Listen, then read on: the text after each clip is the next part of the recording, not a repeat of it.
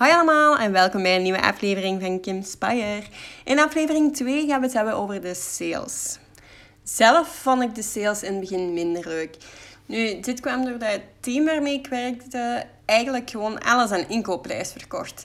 Dus uh, als er iets verkocht werd, ja, had ik zelf niks aan, behalve het volume. Nu, sales um, zijn super belangrijk. Of dat je nu producten verkoopt of diensten verkoopt, sales zijn echt, ja, leg het. Jeunesse is dat ook niet zo dat we alles aan inkoopprijs verkopen. En dat is waar dat ik eigenlijk heb leren inzien dat het toch wel belangrijk is. En ook gewoon makkelijk is. Komt je bijvoorbeeld eens 100 euro tekort, kun je heel makkelijk even uittellen uh, hoeveel producten je hiervoor moet verkopen. Uh, en een doel stellen om dat te behalen.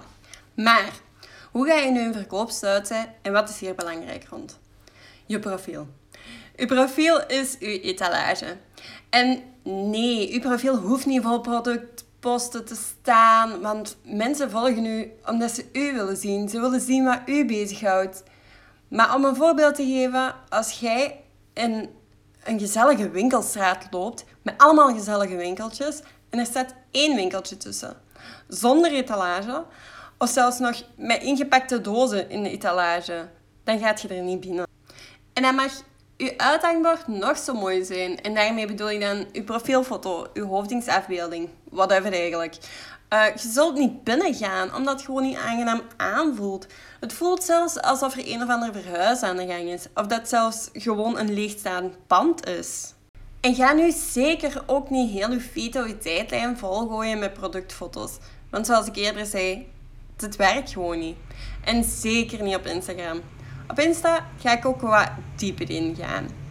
Werk je zelf nog niet met Insta? Doe dat dan vanaf nu. Je laat zoveel potentiële klanten en prospects gaan wanneer je dit niet doet. Groepen en pagina's. Dat kennen we allemaal wel um, op Facebook uh, vooral.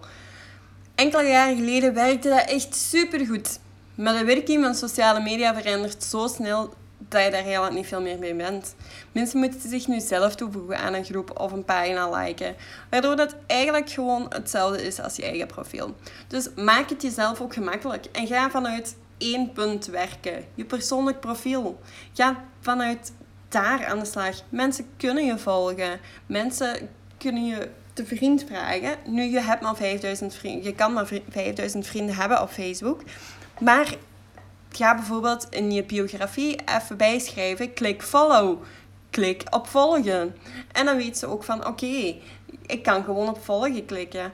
Um, nu met die 5000 vrienden, dat kan je ook continu vernieuwen. Heb je met mensen heel weinig interactie? Oké, verwijder die mensen en voeg nieuwe toe. Zodat je altijd rond die 5000 blijft draaien. Zit je daar nog niet aan? Nodig mensen uit om je vriend te worden. Accepteer je ze Stuur een berichtje. Hey, bedankt voor het accepteren. Lijkt me echt super leuk om te connecten. Om af en toe een babbeltje te slagen. Dat vinden mensen leuk. Mensen, zeker in deze tijden, um, zijn ze op zoek naar een connectie met iemand. Met meerdere mensen. Iemand waar ze bij, bij ze het gevoel hebben dat ze er ook gewoon terecht kunnen. En dat kan jij creëren. Ik denk dat het super belangrijk is dat we meer beseffen wat we allemaal kunnen creëren. Um, nu, op Facebook helpt ook heel hard en eigenlijk op elk social media platform is live gaan. Ga live, dat hoeft niet lang te zijn. Uh, met vijf of tien minuten is eigenlijk al meer dan genoeg, omdat je mensen hun uh, interesse dan ook kan blijven vasthouden.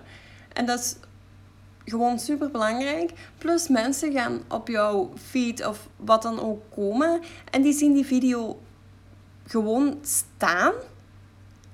En ze weten nog niks. Ze moeten echt gaan kijken daarnaar. Dus ook hier creëert je die nieuwsgierigheid weer. Bij Instagram kun je dan heel makkelijk als video opslaan. En dat kun je ook aanduiden dat het niet op je feed komt te staan, maar dat het onder video's komt te staan. Dus als ze naar je feed gaan, dat ze het niet direct zien staan. Als ze doorklikken, dan zien ze het wel weer staan. Dus ook hier kunt jij weer een nieuwsgierigheid creëren. Ga je live of maak je een video? Neem dan ook je product bij de hand. Neem je eigen producten bij de hand en laat ze zien aan de mensen. Vertel aan de mensen wat het voor jou gedaan heeft. Want je kan een product laten zien, maar wat doet het eigenlijk? Wat heeft het product voor jou gedaan? Dat is zo belangrijk om te weten. Verkoop geen producten, maar verkoop oplossingen. En je gaat zien dat je verkoop veel meer gaat stijgen als je dat doet. Want gewoon een winkel binnengaan om weer de winkel te nemen. En er staan allemaal producten zonder etiketten of uh, met etiketten, maar allemaal dezelfde etiketten. Ja, jij, daar ga je gewoon niks kopen. Je wilt weten welke oplossing dat voor jou kan bieden. Heb je, bij Jeunesse werken we uh, heel veel met innerlijke skincare, uiterlijke skincare en weight management. Heb jij een supergoed resultaat omdat je uh, heel veel last hebt van acne? Laat dat zien. Laat het zien aan mensen. Post een foto van jezelf bijvoorbeeld. En uh, zet erbij, ik kan niet geloven hoe, hoe glad mijn huid is na jaren te worstelen met een acne-probleem. Ja, oké, dan, dan ga je weer die oplossing verkopen in plaats van het product. Je hebt een foto van jezelf, wat allee, goed is. En je zet, je zet dan ook niet alle producten weer op je tijdlijn. Maar je zet een foto van jezelf er weer op. En zo ga je ook weer die, die mooie etalage blijven creëren. Mensen gaan pas weten als ze jouw tekst erbij gaan lezen. Dus zo hou je het ook weer allemaal heel mooi clean. En wissel ook je post af. Dit is ook zo belangrijk. Uh, doe een productpost. Um, doe een post over je eigen leven. Een post over de business. Een leuke quote. Um, je kan ook gewoon op Pinterest opzoeken. Um, content kalender. En dan kom je verschillende dingen tegen waarmee je een content kan creëren. Nu, Pinterest is wel meestal in het Engels. Um, ik zou jullie ook allemaal aanraden, als jullie Engels niet zo goed is, of je durft het niet te spreken, of wat dan ook. Ofwel doe je het gewoon, ofwel ga je het leren. In België hebben we bijvoorbeeld allemaal hele mooie mogelijkheden om um, Engels gratis te leren. Uh, je hebt natuurlijk ook YouTube. Um, zet een Engelse film op of um, ja, luister een Engels liedje. Ga de vertaling daarvan bekijken. Uh, zet een film op zonder ondertiteling. Heel belangrijk, want anders ja, heb je er nog niks aan. Dan zit je gewoon onbewust die ondertiteling mee te lezen. Ja, leer je nog niks bij. Uh, maar dat is wel super belangrijk, omdat um, jouw business, jouw bedrijf, gaat waarschijnlijk in meerdere landen actief zijn dan alleen België en Nederland. Dus waarom zou je geen wereldwijde business creëren? Um, nu, als je ziet wat een business kan doen voor jou als je hem alleen opbouwt in België en Nederland, wat zou dat geven als je hem gaat opbouwen in elk land waar je, business, waar je bedrijf actief is? Um, ja, stel u even het grotere plaatje voor. Um, want dat is zeker mogelijk in netwerkmarketing. Dus uh, ik denk dat we al het mogelijke eruit moeten halen. En dat Engels leren echt wel nodig is. Dat je gewoon de basics kent. Moet je direct een video gaan doen in het Engels? Nee, zeker niet. Maar je kan wel al eens een Engels berichtje typen. En, uh, of met Google Translate eens even gaan kijken. Maar dan zijn we weer in het afwijken van het pad. En dat gaan we niet doen. Dus we gaan weer naar de klantjes. Heb je bijvoorbeeld al een klantenbestand? Of um, ja, heb je je eerste klantjes gemaakt? Ga die dan ook opvolgen. Uh, ik zelf bijvoorbeeld doe één keer per maand al mijn klanten sturen. Ik heb alle namen gewoon bij mij. En ik ga alle klanten sturen. Hey, hoe gaat het met de producten? Enkele dagen na een bestelling stuur ik dat ook al eens. Um, en ik vraag ook altijd hoe het met hen gaat. Als je dan na een maand die follow-up doet en een product is bijna op, ja, dan gaan ze gewoon ook weer bijbestellen. Omdat jij hun stuurt. Ze moeten zelf niet op zoek gaan uh, van, ah ja, wie was dat weer waarbij ik gekocht heb? Of uh, wat dan ook. Uh, ja, het is gewoon heel makkelijk om te sturen van, hey, zou je mij nog um, een product kunnen bijbestellen? En dan kan je ook eens op ingaan van oké, en uh, wat merk je zelf al allemaal? Heb je zelf nog dingen die um, problemen eigenlijk die opgelost kunnen worden? En daar kan je dan ook weer op inspelen. Daar kan je dan ook weer een gepast product um, voor zoeken. Dan kan je bijvoorbeeld sturen van... Oh, goed dat je het mij vertelt. Want uh, eigenlijk heb ik nog iets. Voor zoveel euro uh, kan ik daarbij in jouw productpakket stoppen. En dan kan je eens kijken of dat het wat voor je is. Maar ik denk dat je er echt wel mee geholpen gaat zijn. En zo verkoop je ook weer meer. Um, stel je voor als je 10 klanten hebt die allemaal één product bijbestellen waar je zelf 20 euro op maakt. Ja, op het eind van de maand is dat 200 euro dat je daarbij hebt. Wat, en zo blijf je die klanten bestanden onderhouden en uitbreiden. Wat is nog super belangrijk? Maak er ook jouw eigen dingetje van. Um, haal je de producten in huis en verzend je ze daaruit verder, dan kan je heel makkelijk samples erbij steken. Dus eigenlijk testertjes. En dan kan je ook weer over die testertjes vragen gaan stellen. hey, wat vond je daarvan? Uh, welk effect heeft dat op jou gehad? Uh, vond je het lekker? Vond, uh, voelde het goed aan? Die dingen kan je allemaal gaan vragen. En daardoor kan je ook weer meer verkoop krijgen. Tuurlijk, het is een investering. Maar die haal je er ook weer zo terug uit. Als een testertje bijvoorbeeld dan is het vrij veel genomen, 5 euro kost. En ze bestellen hem volgende keer terug. En, uh, of ze bestellen dat product en je maakt er 20 euro winst op. Ja, uh, dan is die 5 euro niet meer veel natuurlijk. Wat je ook kan doen, nu komt de kerstperiode eraan. Stuur ze gewoon een kaartje. Je gaat de kaartjes gewoon kopen in de winkel. Je schrijft ze zelf, handgeschreven, wat veel persoonlijker is dan ja, gewoon met de computer getypt of zo.